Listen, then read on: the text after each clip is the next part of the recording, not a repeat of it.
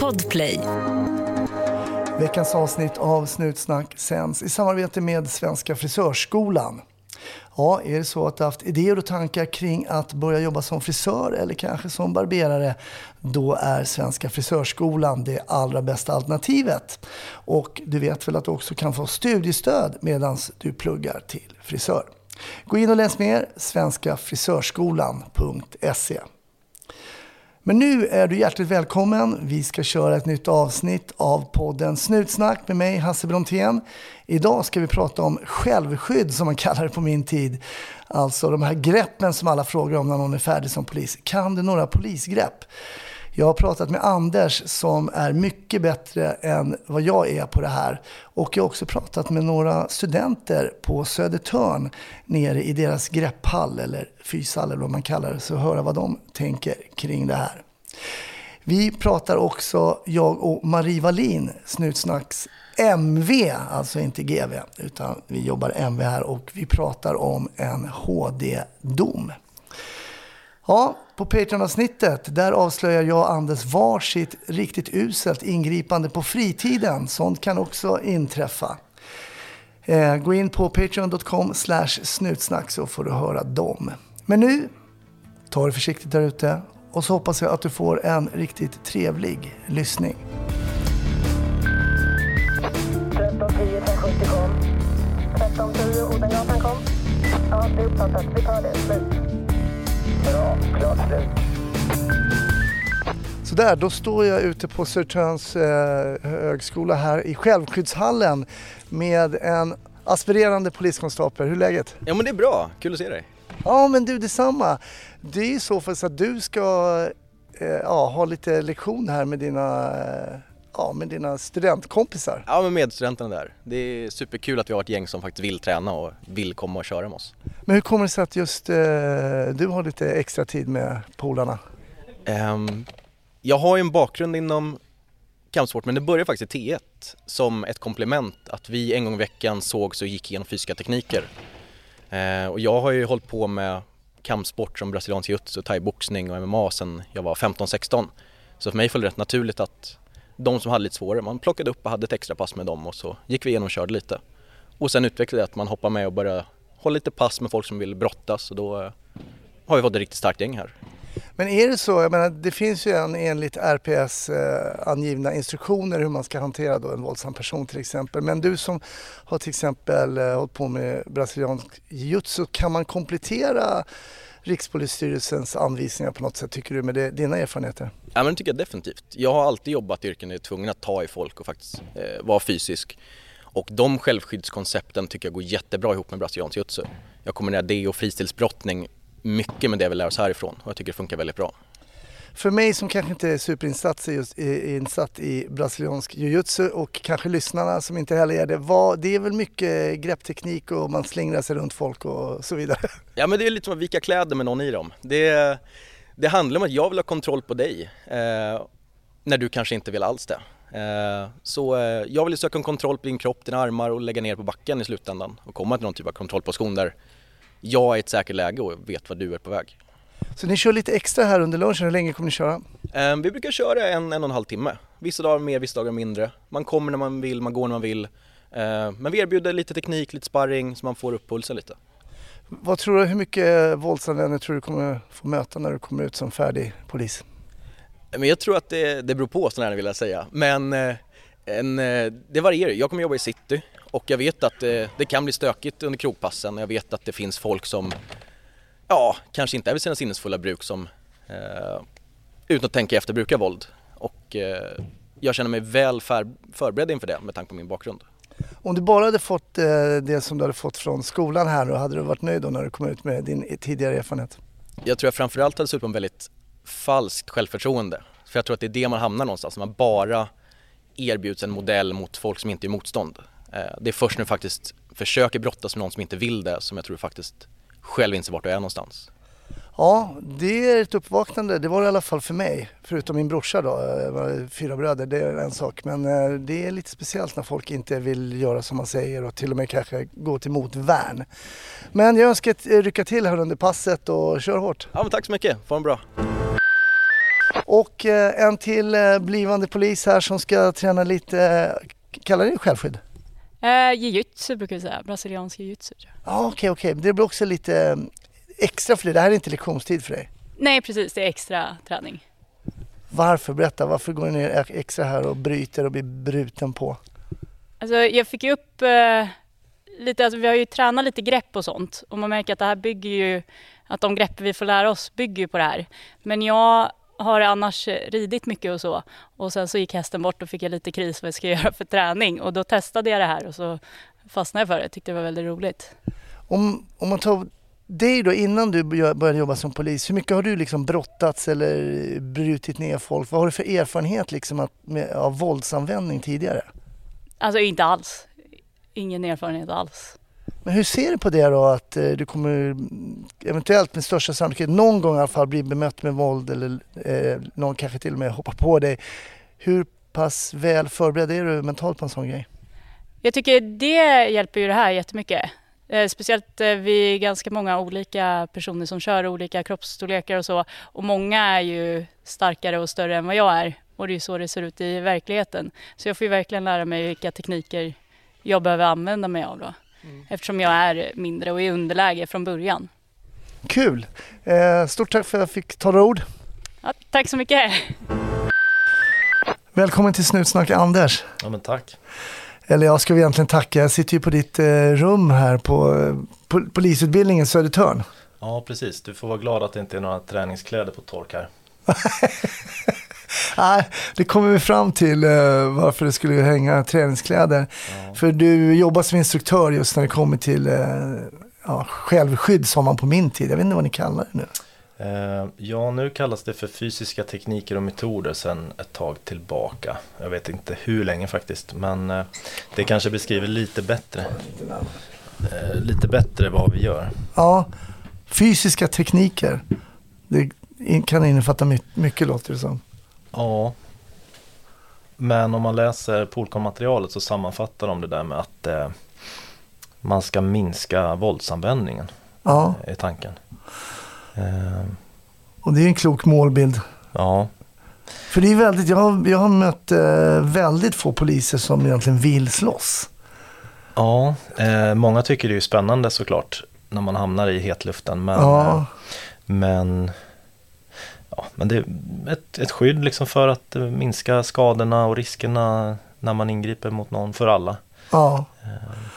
Nej men verkligen. Och alla vi som har utbildat oss till polis en gång i tiden har ju gått någon form av då fysiska tekniker eller självskydd eller vad det kallas för. Just det. Och kanske inte haft så mycket fortbildning sedan dess. Ja, vi var ju nere i, i hallen här i, i fyshallen och Mm. fick ju en liten, ja en kort blick på, de rundade ju av precis där. Men det är ju väldigt fina lokaler här för att öva och sådär. Ja, verkligen. Eh, det är ju ja, det är ju nybyggt, men det är ju nybyggt med eh, parentesen att det ska gå att använda lokalerna till något annat efteråt. Så att man hade kanske kunnat få det lite, lite bättre, men vi är jättenöjda. Mm. Vi ska prata mer om eh, de här fysiska teknikerna, men lite kort, eh, hur kommer det sig att du började jobba som polis? Eh, Försvarsmakten vill inte ha mig. Eh, så. Ja, jag sökte till officer där eh, efter värnplikten 2002-2003. Men just då så var det svårt eh, att komma in. Ja. Ehm, så att då fick det bli B-planen. Och så satsade jag på det. Försökte jobba lite olika yrken med, med mycket människor. Skola, vård, väktare. Och sen sökte jag kanske fyra, fyra gånger. Jaha, du kom in på fjärde. Ja, på håret kan man säga. Jag hade inte kommit in idag för att eh, Vem hade gjort det? Eh, ja, eh, nej men jag Jag fick ju antagningsbeskedet men missade att man var tvungen att bekräfta sin plats. Jaha. Så jag ringde nog in dagen efter att det datumet hade gått ut och fick snacka med en kille som bara ja, ja vi ska se här, du, eh, jag ringer upp dig. Så var det väldigt spänd väntan där. Han satt nog bara och trummade med fingrarna på skrivbordet tror jag och så ringde han upp och så sa han att jag fick plats och det, det hade inte hänt idag. Idag är det ju mycket mer fyrkantigt. Var gick du utbildningen någonstans? Eh, Sörentorp här i Stockholm. Ja, precis ja. Men jag är från Göteborg från början. Ja, okej. Mm. Flyttat hit. Har träffat någon som bor i Stockholm. Nej, hon Nej. följde med faktiskt. Så det är några år nu. Men, eh, men man hinner ju stadga sig under de där två åren. Mm. Eh, plus aspirant då. Så. Just det. Eh, Så du har gått den utbildningsvarianten kan man säga som studenterna går idag också? Ja, eh, vi tog ju mycket från Sörentorp när de startade upp här. Jag var ju inte med första halvåret, året där. Men, men det är ju mycket nytt också, framförallt kanske i mitt ämne. Ja. Hur uppfattade du skol, skolan då, de två? Ja, att Sörentorp är fantastiskt eh, på sommaren. Eh, Jag har ju mycket minnesbilder av studenter som ligger alla terminer och eh, pluggar på stora gräsmattan där. Mm, det. Och det är ju det finns ju en del allmänhet men det är ju nästan bara polisstudenter. Ja. Eh, Så att de gjorde mycket bra och hade bra förutsättningar så vi får försöka fylla skorna där och Mm. på vissa delar gör vi det lite bättre kanske men på andra har vi mycket kvar också. Mm. Och när du var, för, var färdig, var hamnade du då? då? Eh, då blev det Arlanda eh, och det var också ett litet misstag kan man säga för att eh, vi blev ombedda att rangordna de Stockholms olika distrikt på den tiden. Eh, men man skulle bara göra fyra tror jag, men jag hade rangordnat alla. Eh, och Arlanda var nummer fem tror jag. Så att Ah. eh, jag och en tjej till som hade gjort samma misstag, vi hamnade på Arlanda tillsammans med två som var helt, helt inte ville vara där. Ah, okej. Men det visade sig vara, alltså det händer inte jättemycket där för en hungrig nyexad polis. Men, Nej, precis. men jag fick ju alla mina instruktörsutbildningar och så där. Eh, Ah, okej. eh, så att på så sätt var det ju väldigt bra. Det finns plus och minus med allt. Så är det. Sen är det en väldigt liksom, internationell och, och trevlig arbetsplats så. Eh, men kanske inte optimalt om man vill lära sig verktygslådan. Men hur såg en dag ut där? Jag tänker, nu har jag ju sett, jag hade Alex med en kille som är med i den här gränsbevakarna. Det Ja, ja. Där ser man ju en tydlig, tullen förstår man har en tydlig Mm. roll liksom. Just det. Eh, på Arlanda och man har olika regler för folk som reser inom EU och utanför EU och sådär. Mm. Men jag tänker en polisiär arbetsdag på Arlanda, hur såg det ut för er? Eh, det är ju mycket samverkan med ja, men dels tull eh, men också med de skyddsvakter som finns där.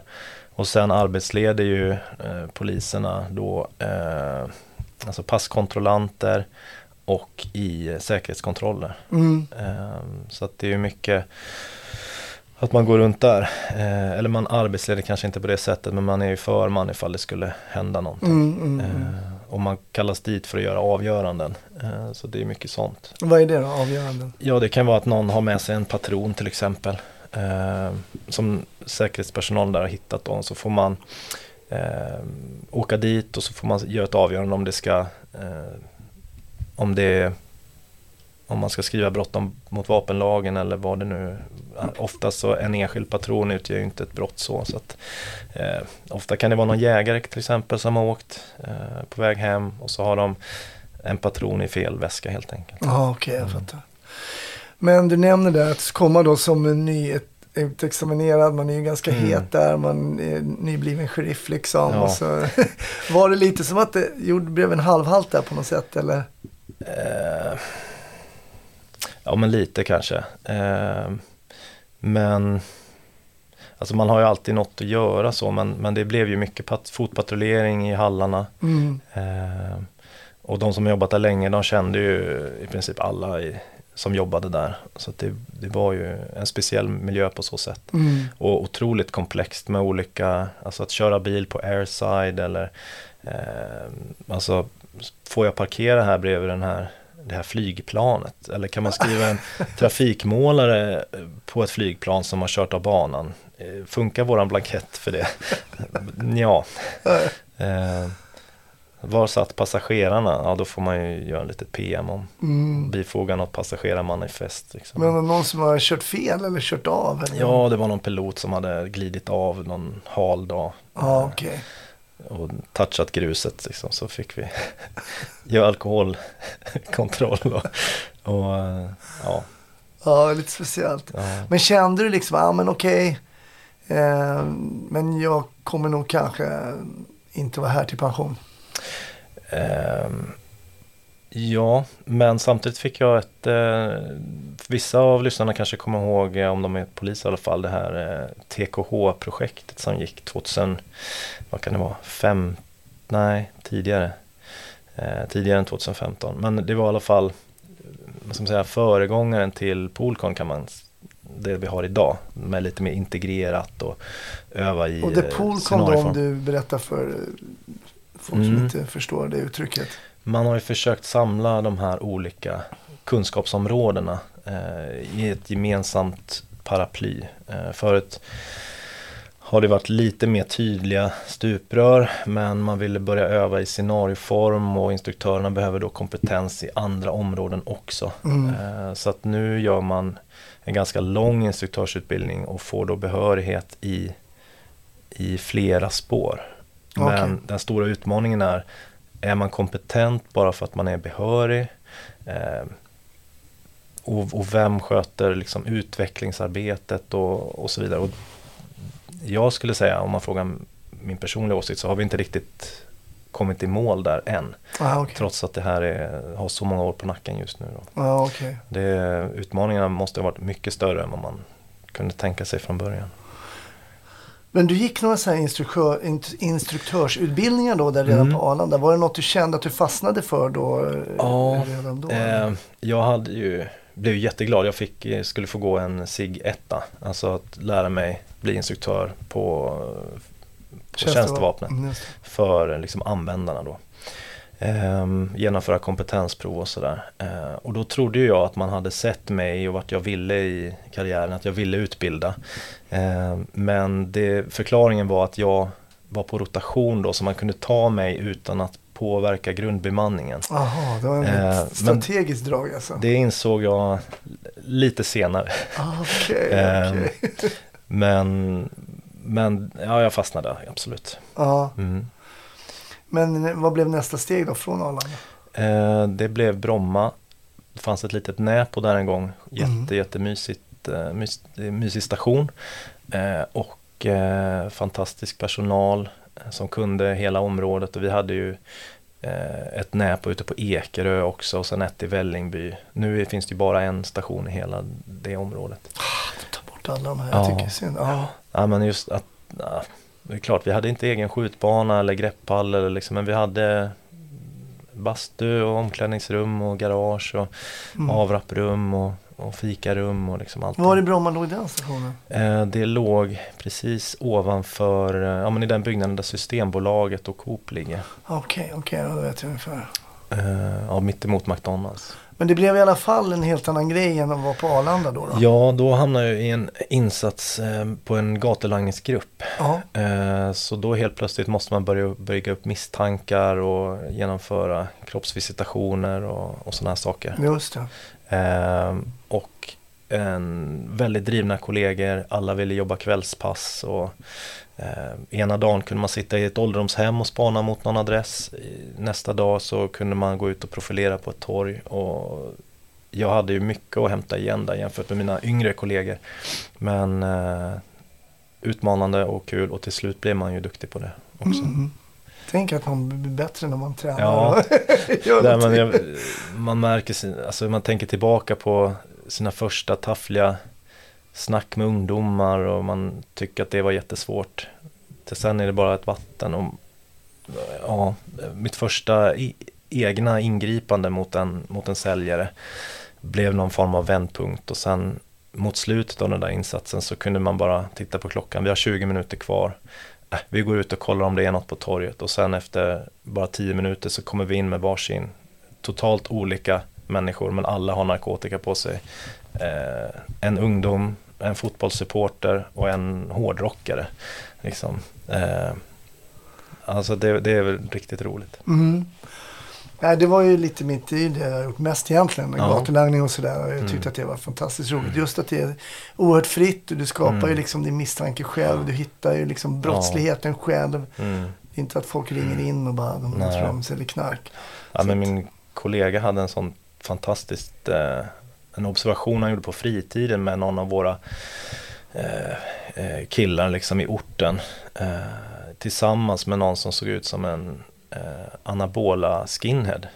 Väldigt konstig konstellation. Liksom. Men han la den där på minnet och sen såg han den där killen eh, någon vecka senare, den här eh, rakade killen. Eh, och vi, vi liksom gick på och klev på honom och liksom byggde upp en misstanke och sen eh, slutade med eh, husrannsakan hemma hos honom då hittade ett ganska stort parti. Då. Så att sådana här små detaljer Mm. liksom, som bryter från normalbilden, att när man börjar uppsnappa dem, det, då blir det riktigt skoj. Ja, det är, rätt, det det är jättehäftigt också hur duktiga en del kollegor är på att se Mm. de här små, små, små detaljerna som verkligen kan bygga Mm. upp någonting. Och, och man sen, det, det är nästan svårt att dra vissa grejer för så här ordningskollegor sen som så, men hur kunde det, det kan Mm. väl inte innebära, jo men så får man redogöra för varför och så vidare. Och så vidare. Ja. Ja. Okej, så var det där en, en- Mm. en tid också. Ja, och just narkotikalagstiftningen och det var väldigt, alltså, ja men det var lärorikt på att man lärde sig liksom, om misstankar om lagstiftningen och, och det, det är ju samma i andra eh, sammanhang också. Mm. Eh, Precis ja. så att det var väldigt lärorikt. Just det, man kan bygga upp det på samma sätt liksom. Mm. Mm. Det är ju väldigt roligt tycker jag och sen har folk såklart ibland lite olika åsikter om, om eh, lagstiftning och sådär. Det kan man ju Mm. alltid ha men som polis är det ju ganska enkelt att vi kör enligt den vi har. Ja, Så, och det är ju ganska många just de man möter i de sammanhangen som är, ibland är väldigt kunniga och sådär Mm. kring legalisering och allt vad det nu heter. Och. Men det, ja, det snacket har man ju hört några gånger. Ja, det blir ju det. Men man blir ju ganska ointresserad av att ta det för att det har man ju inte med att göra. Man är ju så Nej. långt ifrån den eh, att stifta typ en ny lag. Eh, Ja, ja visst. visst. Så att det, den, den är ju lite borta. Mm. Snabba puckar oftast också. Ja, ja verkligen.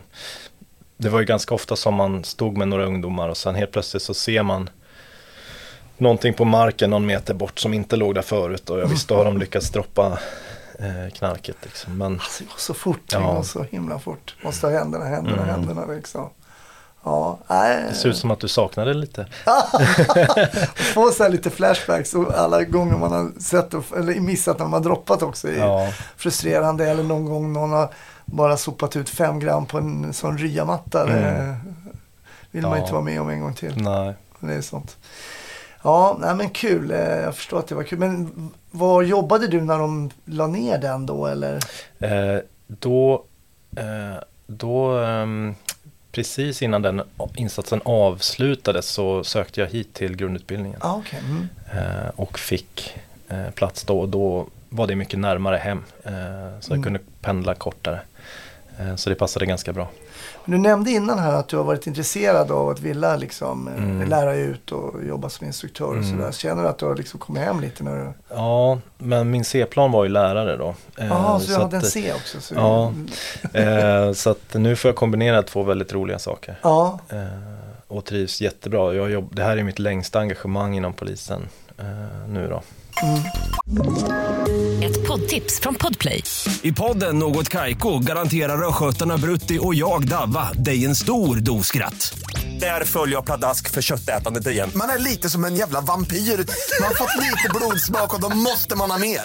Udda spaningar, fängslande anekdoter och en och annan arg rant. Jag måste ha mitt kaffe på morgonen för annars är jag ingen trevlig människa. Då är du ingen trevlig människa, punkt. Något Kaiko, hör du på Podplay. Därför är gardinerna. Nu bryter vi av för lite juridiksnack med Marie Wallin. Hej, ett litet avbrott och nu, man kan säga del två av Juridik med MV. Välkommen tillbaks Marie Wallin. Tack. Från rättnu.se.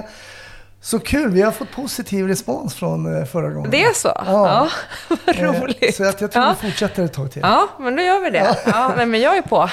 Vi har fått, eh, jag fick en fråga på Instagram av Stefan. Jag ska inte avslöja något efternamn här. Men det är faktiskt så enkelt att jag kan svara på det. Ja, Men- gud vad bra. Då blir det juridik med HB. Jag vet inte om det blir juridik. Ja. Men det är eh, enkel fråga. Hej Hasse! Måste poliserna ha med sig en husrannsakans order när man gör husrannsakan i Sverige? Och då kan jag säga, nej, det behövs inte. Nej. Har jag rätt? Ja. Nej, det var ingen svår fråga. Och nu ska jag inte heller raljera mot den här frågeställaren, för jag skrattade lite, för det är ju det där som man ser i om väldigt många filmer. Exakt. Eh, Och så pratas det om det även i, i svenska filmer och andra filmer. Att För man ska hur- ha med sig något papper från åklagaren. Exakt. Ja. Och hur går det till då? då? Nej, men ibland är det ju, alltså, det behöver inte ens vara en åklagare inblandad, utan det kan ju vara i, i förundersökningar som är i Polismyndighetens, alltså, men det är ju mer att det måste ju finnas ett beslut att du ska gå in i någons hem eller förråd. Och det är ju väldigt formellt och tråkigt i att man dokumenterar det beslutet elektroniskt om tvångsmedel. Ehm, och då fattar man ju beslut om att det ska vara husrannsakan med anledning av det här brottet för att eftersöka vad det nu må vara. Och den får ske i, i bostaden eller i, i, i utrymmen som hör till bostaden, men bara mellan vissa tider. Mm, Just det. Ja, och så det är väl lite det. Och så om du någon gång ska ut, gå utanför de där tiderna, om det är viktigt utifrån ett liksom, överraskningsmoment, då är det ju viktigt att man verkligen dokumenterar och har, så att om man ska göra det på natten eller så. Just det. Så det, men det viktiga är ju att det är inget papper du har med dig, men det är mer att det måste vara dokumenterat väldigt tydligt varför du gör det. Ehm, och det ska ju finnas i en dator helt enkelt. Och något som är ganska unikt också tror jag, det är ju faktiskt att enskild polisman kan ju i vissa fall också besluta om en husrannsakan om det föreligger för det som man då i juridiska termer kallar för en fara i dröjsmål. Ja, precis. Att man helt enkelt inte hinner ringa åklagaren. Nej.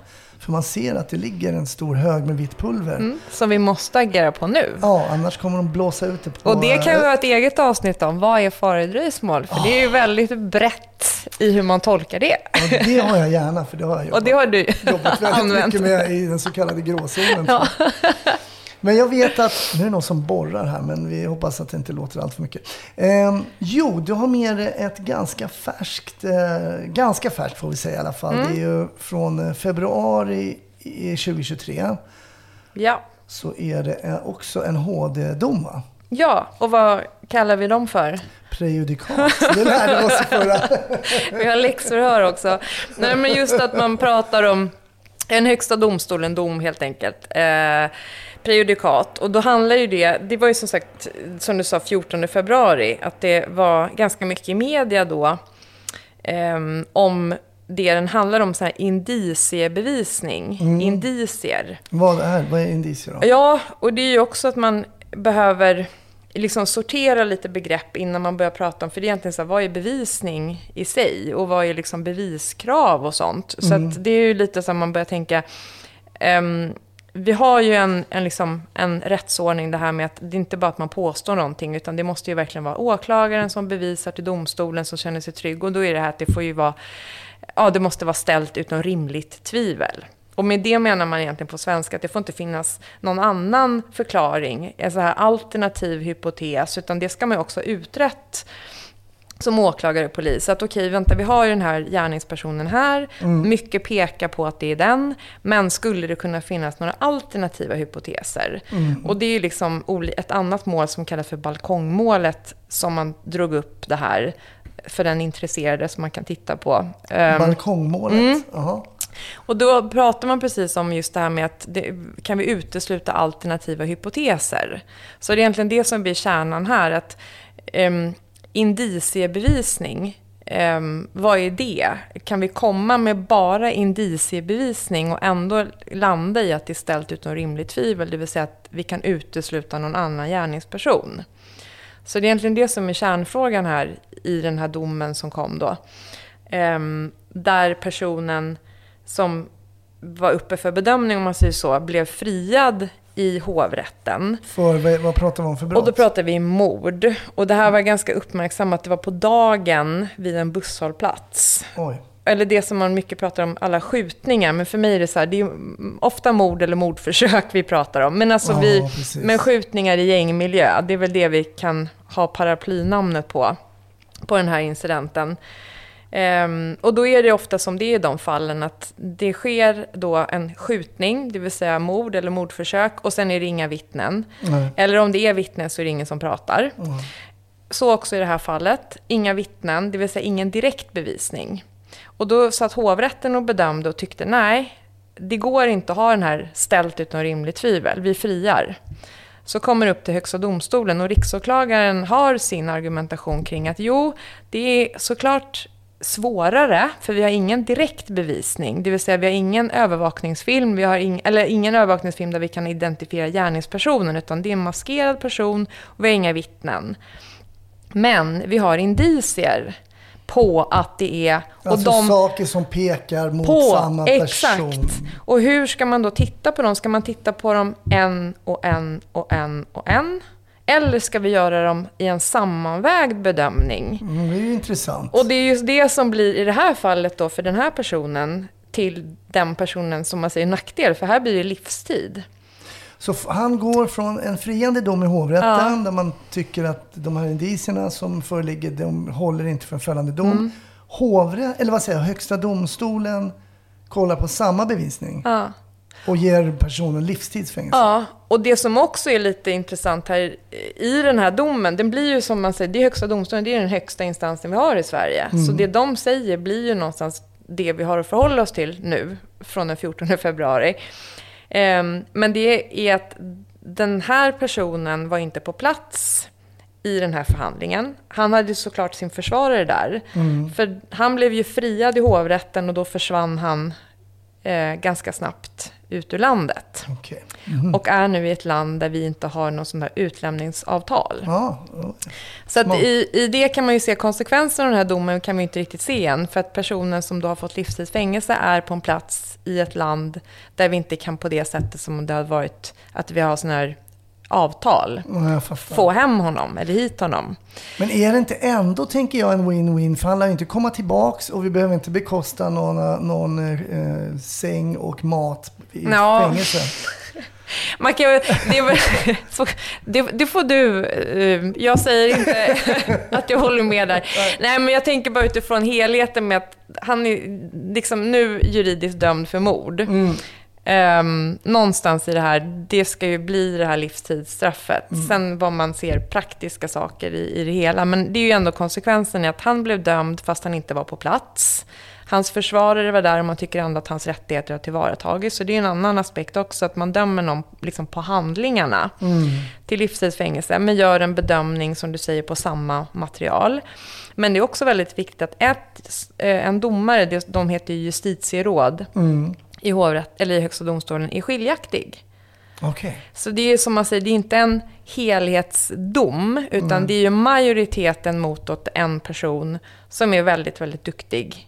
Eh, såklart, för det är ju alla domare där. Och har en argumentationslinje att menar att de här bevisningen, eller den här indiciebevisningen håller inte. Um, så det är ju liksom, och det är därför jag menar, som jag också var inne på förra gången vi pratade, att de här domarna, man får ju också se dem lite för vad de är. Mm att i den här situationen med de här ingredienserna um, då tyckte inte hovrätten att det höll, men en oenig högsta domstol. Men då gäller ju det ändå. Då Absolut. Ja, men det är det man måste, om man tänker så här, vad som är svagt och starkt. Mm. Mm, alltså det är också fattar. lite juristnördigt där man tittar, vad hade den skiljaktiga ledamoten för argumentationslinje? Eh, och i och med att alla de här domarna är ju väldigt duktiga, mm. så är det klart att det är relevant att läsa vad skrev han och vad tyckte han.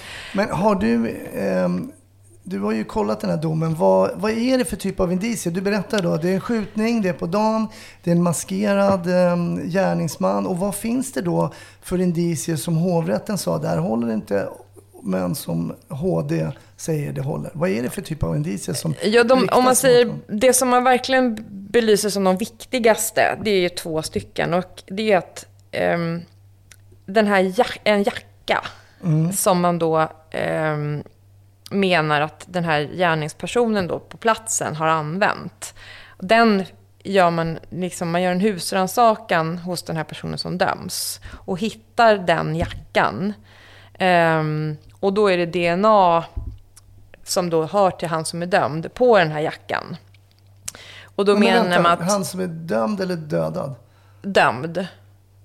Ja, men det är väl inte så konstigt att man har sin egen DNA på sin egen jacka? Eller är det jag som missförstår? Nej, men han... han um, man säger liksom att den jackan som gärningsmännen hade använt för att man visuellt kan se, den hittar man hemma hos, ja, alltså när man Den gör en hus, ja, den misstänkte. Ja. Och då kan man liksom säga att den jackan, för man har ju liksom visuellt en övervakningsfilm. Den används av honom. Man säger liksom den som skjuter, den som mördar har en sån jacka.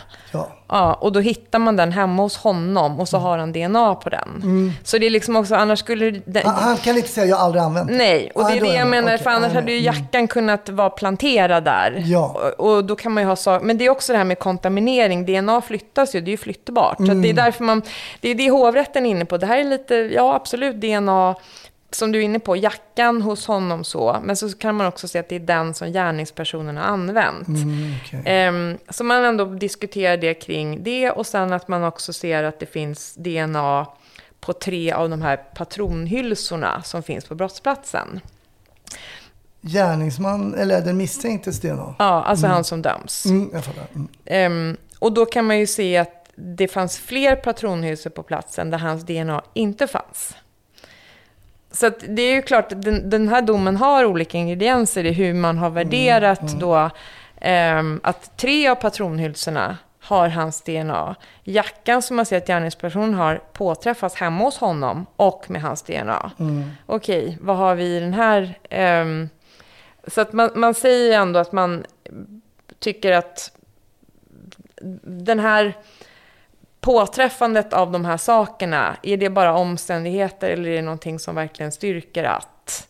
Ehm, och därför så menar ju Högsta domstolen att man gör en sammanvägning och då menar man att det finns inga möjliga alternativa gärningspersoner och därför så, Så döms han. ja. Och då tycker en av ledamöterna som sagt att det här inte håller i Högsta domstolen och vill fria. Mm. Så att, eh, men, men det är just den där man menar då, som man bör rent hur, hur krasst de skriver, att det samlade värdet av bevisningen är i detta fall högre än det adderade värdet av de enskilda bevisen. Alltså det, liksom, det, är den, det framstår som mycket osannolikt att samtliga de omständigheter som framkommit genom åklagarens bevisning skulle föreligga, även om gärningsmannen var någon annan. Vid en sammanvägd bedömning ger därför den av åklagaren åberopade bevisningen ett mycket starkt stöd för åtalet. Så de skriver ju liksom också runt, så den här domen kan man ju hitta och läsa för att få ännu mer ehm, Kött på benen. kött på benen. Och sen så att man ändå utifrån riksåklagaren då, som ju någonstans, ja, man ska inte hålla på och prata om att man vinner och förlorar, för det är ju liksom, det är ingen vinst i sig att någon mördas och blir dömd eller så. Nej. Men, men det är ändå åklagaren som vinner det här målet och hon, riksåklagaren uttalar sig också och säger att men det här är en principiellt viktig dom, att vi får en fällande dom trots att det inte finns någon direkt bevisning, utan indirekt bevisning, men det är många omständigheter som tillsammans gör den här bedömningen. Påverkar det någonting att han inte infann sig? Det är oklart och det ska ju inte ha... Alltså någonstans om de i Högsta domstolen ansåg att han inte kunde tillvarata sina rättigheter så ska de inte hålla förhandlingar rent liksom hur vårt rättssystem är. Så det går ju inte att säga vad han skulle ha kunnat sagt eller inte sagt. Nej. Ehm, men det ska ju inte ha gjort det och därför har de ju liksom kunnat döma av det här. Ehm, Nej, men intressant. Ännu en HD-dom som vi hade även för. Kanske blir det en nästa vecka också. man vet inte. Eh, Stort tack. MV som vi säger. Eh, Marie Wallin från rättnu.se. Eh, Vi hörs i nästa gång. Ja, tack för idag. Tack. Poddtips från Podplay. I fallen jag aldrig glömmer djupdyker Hasse Aro i arbetet bakom några av Sveriges mest uppseendeväckande brottsutredningar. Går vi in med hemlig telefonavlyssning och, och då upplever vi att vi får en total förändring av hans beteende. Vad är det som händer nu? Vem är det som läcker?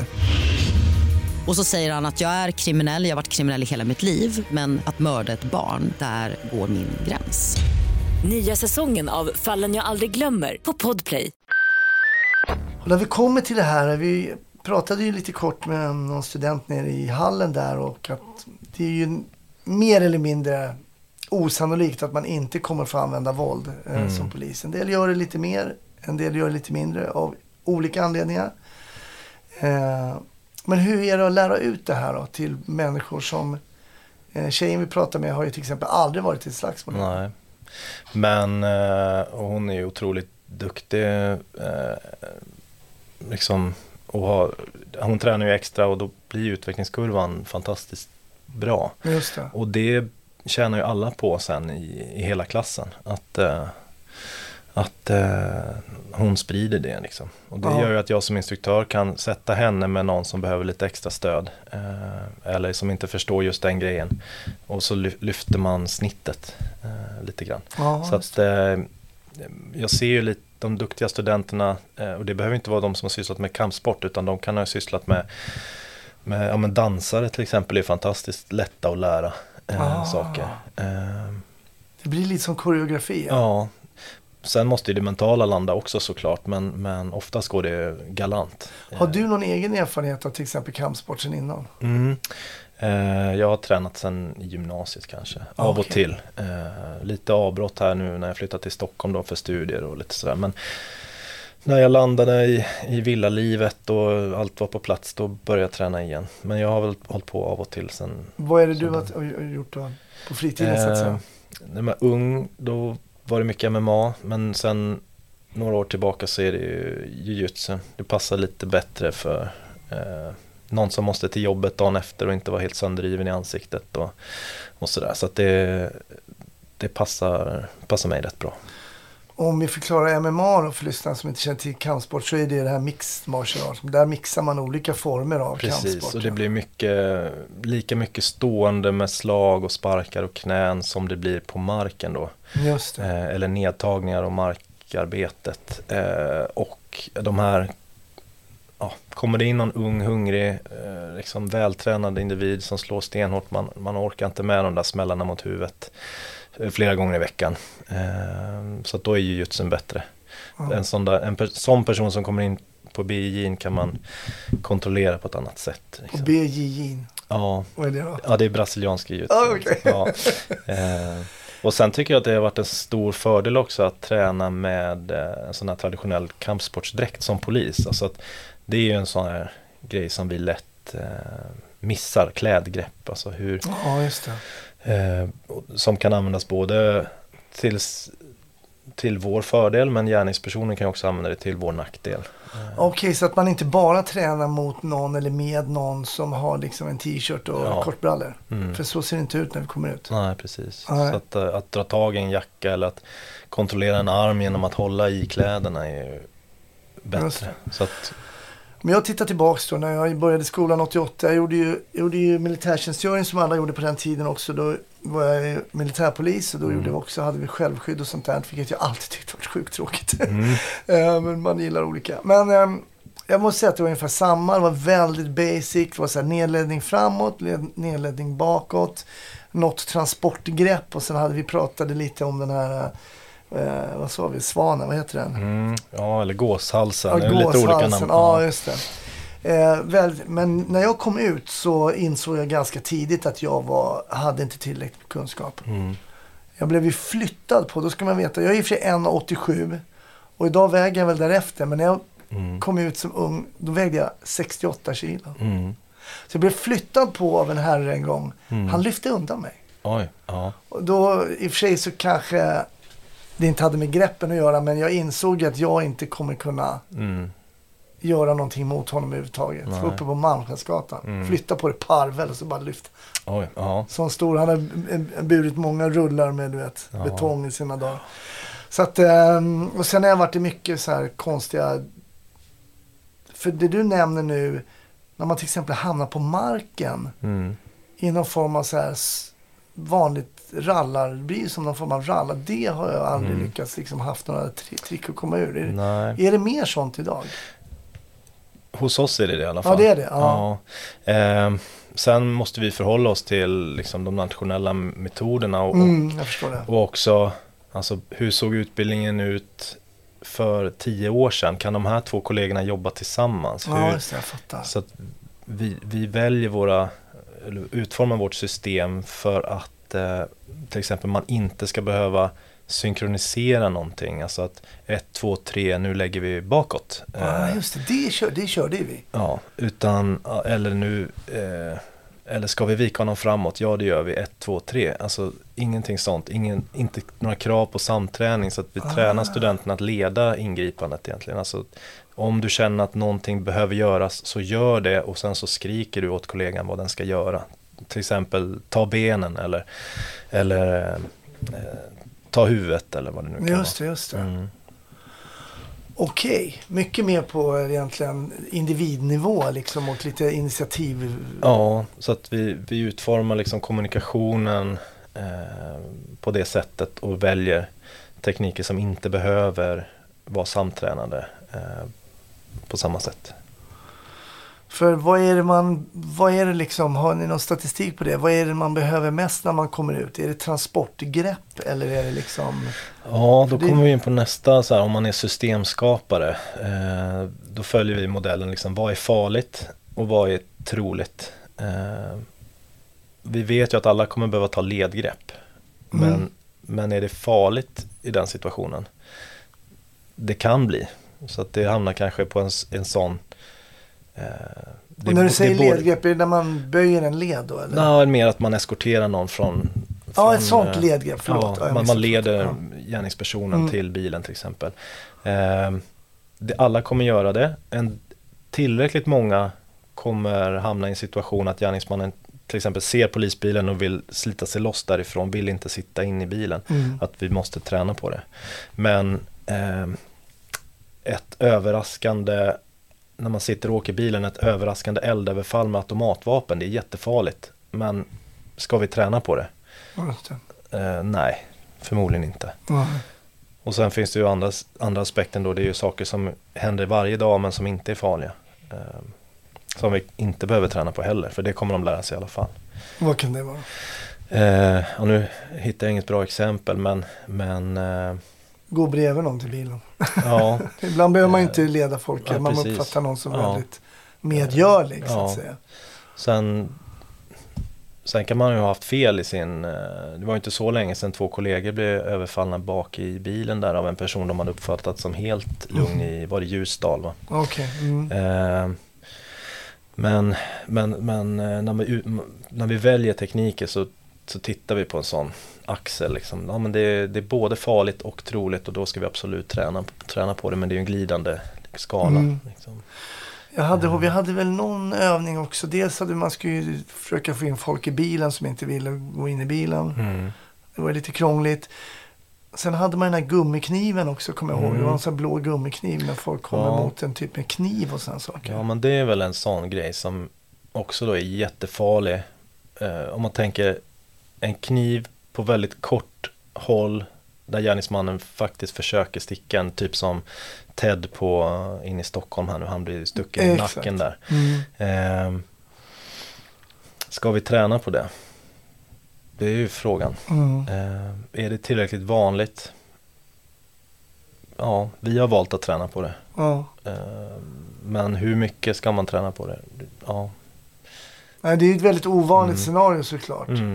Jag kommer ihåg, vi fick göra något så här, man skulle stöta bort Ja, armen det. liksom. Ja. Eh, det känns ju redan då lite så här. Mm. Det var svårt att tajma med någon med en gummikniv liksom. Ja.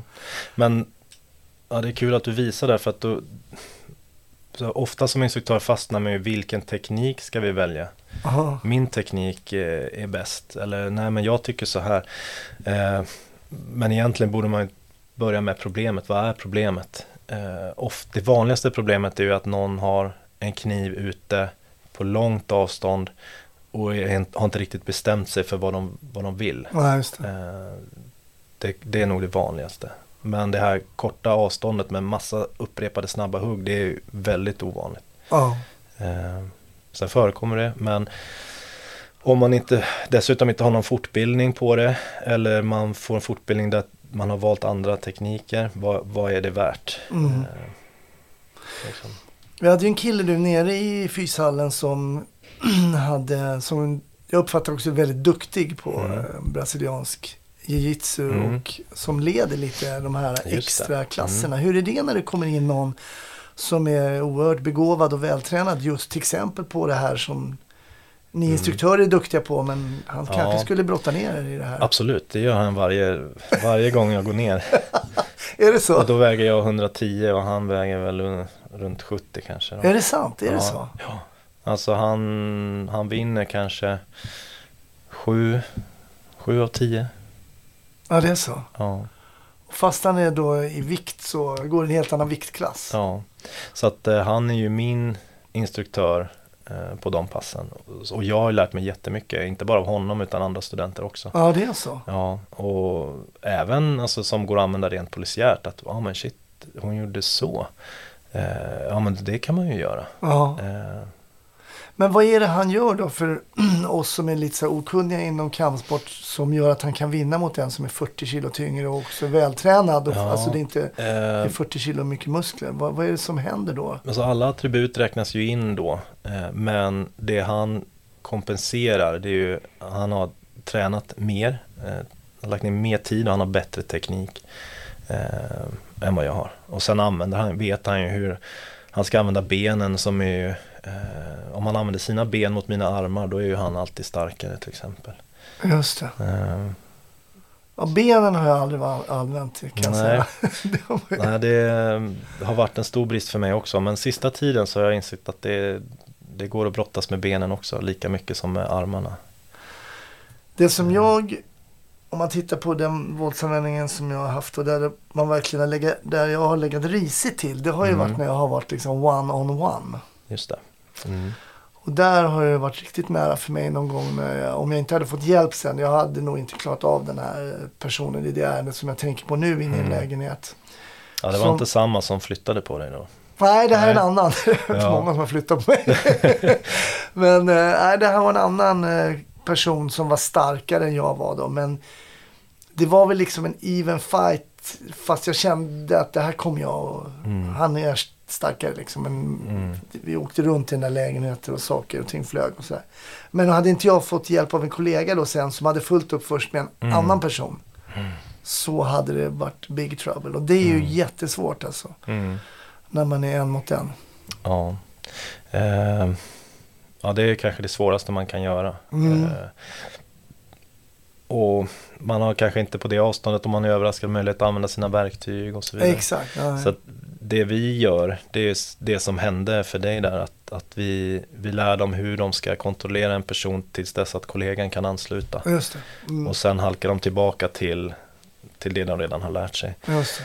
Men det sätter också fingret på en intressant diskussion liksom, som vi, vi har haft.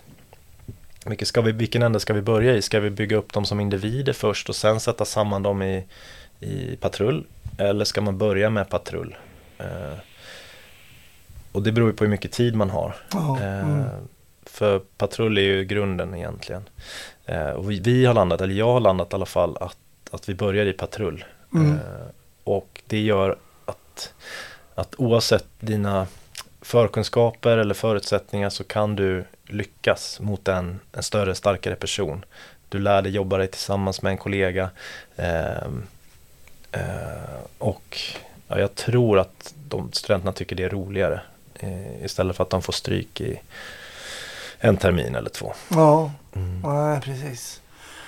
Nej men cool, det gjorde lite ont och en del var ju väldigt glada på att öva på en när man Ja. skulle göra vissa grepp. Och det ska ju inte göra ont. Det ska ju vara roligt. Ja. Eh, så att, att eh, vi försöker hålla ner alla skador så mycket. Och du hörde ju kollegorna Mm. där uppmuntra studenterna att eh, fylla i den här skadeblanketten. Eh, det är jätteviktigt. Och eh, det var ju i Borås här för ett tag sedan som eh, en instruktör fick sluta på väldigt kort varsel. Och nu känner inte jag till detaljerna men det lät som att de hade en kultur av att de plågade studenterna lite under förevisning. Eller Aha, i alla fall en- den här medarbetaren. Okej. Och det, det skapar ingen bra inlärningsklimat tror jag. Nej, det låter... Eh, så att eh, försöka jobba bort sådana grejer. Sen har jag också råkat skada studenter, eh, tyvärr. Men jag ber om ursäkt för det varje, varje gång jag ser dem. Ja, och det har ju hänt också att man har gjort en nedläggning enligt sig själv, enligt RPS föreskrifter, men så blir, uppstår en Mhm. skada på det man gör. Därför det är Ja. ju inte, mm, ibland så kastar sig folk både med huvudet hit och Mm. dit och, och sådär. Och det, ja, det polisiära konceptet är ju ganska trögrott. Mm, mm. Medan det verkar ha varit väldigt lätt att föra in ganska farliga tekniker förr. Okej. Eh, ja men hur många handleder har gått på den här gåshalsen till Ja, just exempel. Eh, och har det ens varit proportionerligt i alla de situationerna? Alltså, så här, tveksamt. Tveksamt. Men, eh, men det går att föra in nya tekniker. Ja, men det är ju kul också att höra det här att det kommer in kunskap från sidan Mm. eh, som man kan använda sig av. Mm. Ja, men det, jag tror det är på gång någonting nu i eh, Polis-Sverige. Att eh, det finns Facebookgrupper för BI-intresserade poliser. Det finns eh, nu nästa vecka på lördag så går polis-SM i BI. Eh, Okej. En eldsjäl i- på västkusten som, som drar i det. Eh, så vi är rätt många härifrån som kommer åka dit och försöka ta några medaljer. Ja, spännande. Får vi Eh, hålla utkik. Ja, så, och studenterna, alltså det är klart de blir bättre av att gå utbildningen men, men eh, många av dem var ju väldigt duktiga när de kom hit. Så Mm. jag ska inte säga att det är Södertörns eh, förtjänst på något sätt. Men, eh, men det finns ju också som, som du träffade där nere, sådana som inte har några som helst förkunskaper som börjar träna extra och eh, har en jättefin utvecklingskurva och nu åker på SM. Så det är ju Ah. kanon. Kul. Mm. Spännande. Ja, intressant att höra lite om den här utbildningen som är ju väldigt speciell. Liksom. eh, Just att man eh, bryter ner varandra och så Mm. håller på att få, och agera figuranter och sådana grejer. Ja. Jag brukar alltid fråga om ett minne kring, eh, alltså ett polisiärt minne.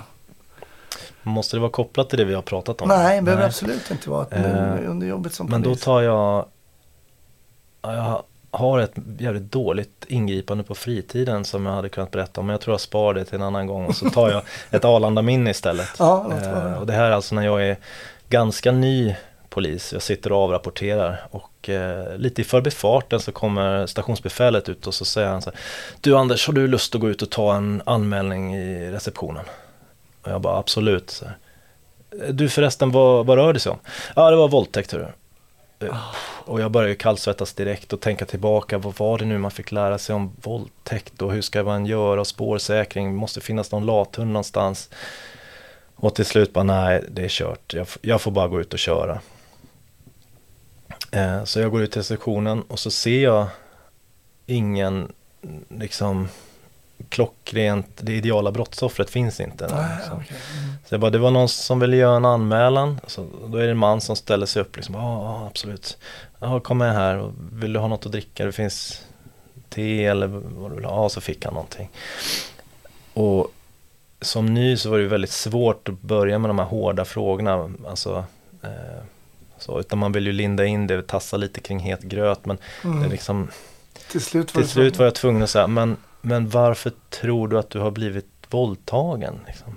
Så, han, så säger han, ja men det var ju de där tv-skärmarna. Eh, tv-skärmar? Ja, på flyget. Eh, Okej, de visade något på tv-skärmarna. Ja, när, när jag eh, bara låg där och tog emot. Du, vad, vad flög du med för flygbolag? Ja, Norwegian. Så Norwegian har på flighten för barnfamiljer och allting visat en film när du blir liksom utsatt för ett jävligt grovt brott. Han ja. Och sen pekar de på mig och skrattade. Och någonstans där så förstod ju även jag då att det här kanske inte riktigt är sant. Han kanske har föreställt sig någonting men delar kanske är sant. Alltså så här, man vet ju Ah, inte. Svårt, svårt. Ja. Så jag fick hitta någon kollega där och så åkte vi till, eh, till akut, akutmottagningen då för att då fanns det ingen akutmottagning för män, kommer jag ihåg. Så att eh, vi lämnade över en sån här spårsäkringskit till en jätte, eh, ja, men nyexad läkare, jättesöt tjej. Eh, som, hon blir liksom professionellt intresserad av hur det här ska gå till. Det verkar vara första gången så hon läser in sig på det här. Och medan vi sitter där och pratar med den här mannen då så har vi ju nämnt då att vi kanske ska åka till Sankt Göran sen också. Och då kläcker han ur sig så här att eh, Du eh, grabbar, hör ni spanska röster just nu? Nej tyvärr, vi, vi hör ingenting. Han bara, nej jag vill åka till Sankt Göran. Eh, och då kommer läkaren tillbaka. Och så, så säger jag, ah, vi tänkte åka till Sankt Göran. Och hon bara, nej nu gör vi det här. Eh, lägg dig på britsen här nu.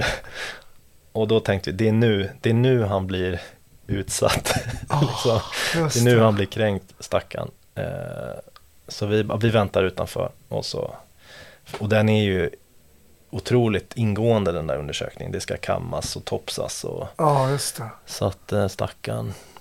Eh, Så han mådde inte bra helt enkelt. nej, men, men eh, i efterhand så hoppas jag att, eh, ja för mig är det roligt i alla fall. Att, att liksom den här nai- nykläckta polisen ska hamna i det här.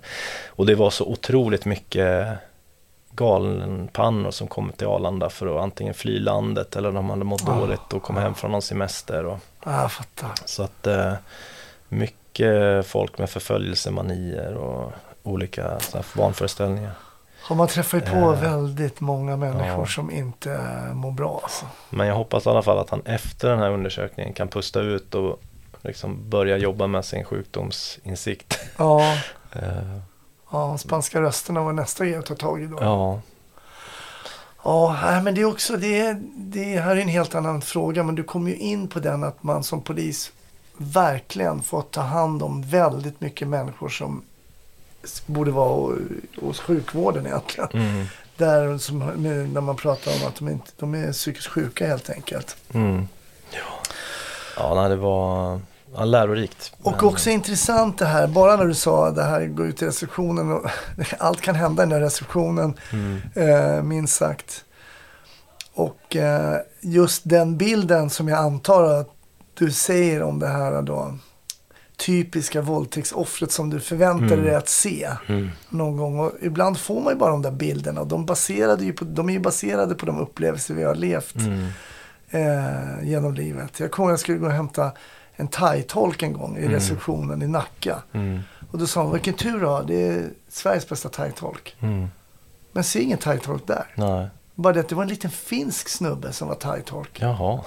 Och det var inte heller liksom, jag, jag bara förväntade mig att det skulle sitta en thailändare där. Ja. Eller, I alla fall inte en liten blond finne. Nej, Och han gick in där i arresten och Savadika Ja. och snackade. Jag var tvungen att fråga den där tjejen på engelska, how was his mm, thai? Bara perfect. Ja. Fluent, fluent. ja. Ja, Så- otroligt.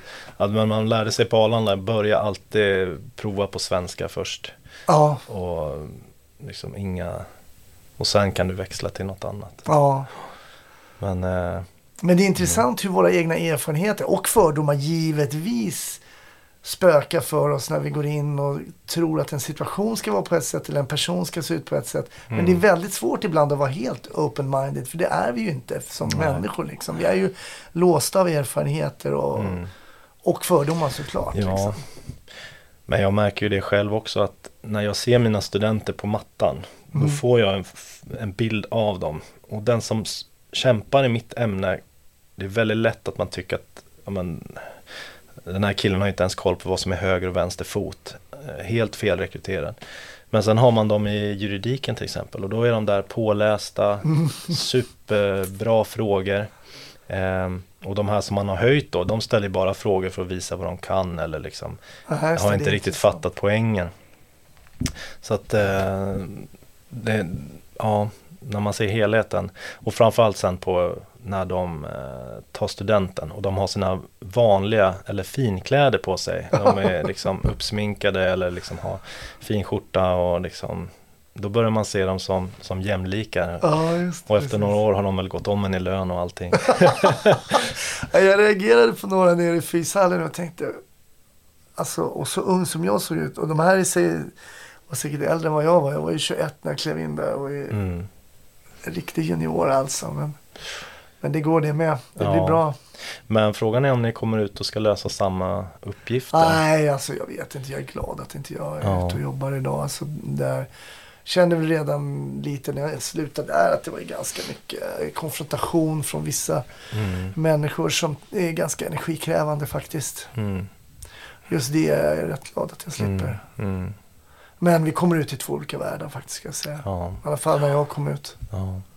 Ja, det är ju särskilt i Stockholm väldigt hög rotation på ingripande personalen och två ganska nya kan sitta och eh, hamna på vilket jobb som helst Ja, eller få en aspirant på halsen ja. som de ska ta hand om och, och utbilda faktiskt. För just det, precis. Mm, Ja, nej, men det är tufft där ute och det går tufft med rekryteringen. Och Mm.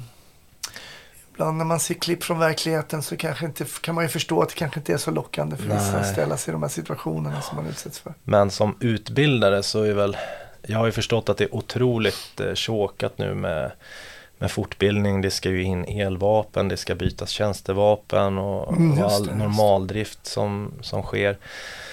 Eh, så att, så att det är ju problematiskt med, med fortbildning. Eh, och, och vad det ställer för krav på oss och det, det vi ger dem här, det ska hålla under lång tid eh, med väldigt lite underhållsträning. Mm. Eh, ja, och, och lite därför vill vi också att det ska dra lärdomar från, från sporten så att om de tränar på fritiden så ska, ska de ha nytta av det. Eller om de har tränat innan så ska det lira det. så mycket det går inom ramen som vi har fått. Då. Mm. Mm. Tänkte runda av och fråga hur det är med mm, polisfilmer på fritiden. Eh, jag tittar ju mycket klipp alltså, från verkliga händelser. Ja, det, kolla Men sådana. inte, ja, inte så här tunna blå linjen och sånt. Inte Wallander och så. Du håller Tittar till... du? Nej, det gör jag faktiskt inte speciellt mycket. Nej. Nej.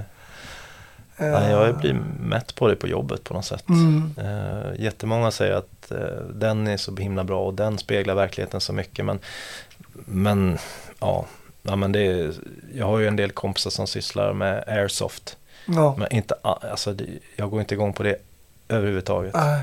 För att jag kan gå ner, när vi är klara här kan jag gå ner och skjuta om jag vill. Mm. Så det är kanske lite samma sak. Kanske. Ja.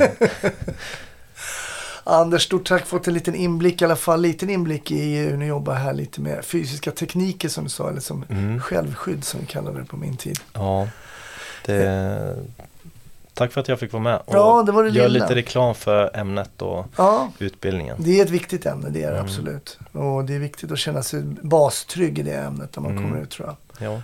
Och det som man kanske inte får här det är ju det här lev, levande motståndet och någon som inte vill eh, åt samma håll som man själv. Och, och, eh, vi når kanske inte riktigt så, vi försöker hela tiden men, eh, men man, man riskerar att få den här aha-upplevelsen som du upplevde där och beskrev. Mm. Och jag har ju också upplevt sådana. Ja. Eh, och då får man ju en liten, liten läge där man fryser i, i hjärnan Ja. och, och stannar upp och tänker efter och försöker hitta rätt igen. Och kan man minska den tiden så, så är det bra. Ja. Vi ska prata vidare lite i ett Patreon-avsnitt också. Kanske får vi höra om det där dåliga ingripandet på fritiden. Då ska jag berätta en, av mina också. Eh, och ehm, så tänkte jag vi ska få reda på lite vad som händer efter man, eh, om man har några tankar efter vad man ska göra när man har varit instruktör här på Södertörn. Tack så länge. Tack ska du ha.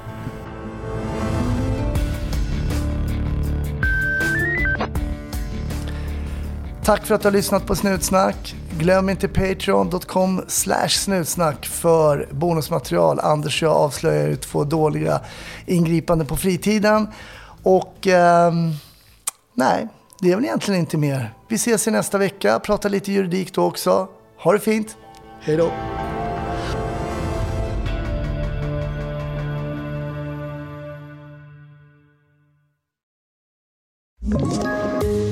Ett poddtips från Podplay. I fallen jag aldrig glömmer djupdyker Hasse Aro i arbetet bakom några av Sveriges mest uppseendeväckande brottsutredningar. Går vi in med hemlig telefonavlyssning och, och då upplever vi att vi får en total förändring av hans beteende. Vad är det som händer nu? Vem är det som läcker? Och så säger han att jag är kriminell, jag har varit kriminell i hela mitt liv men att mörda ett barn, där går min gräns. Nya säsongen av Fallen jag aldrig glömmer på Podplay.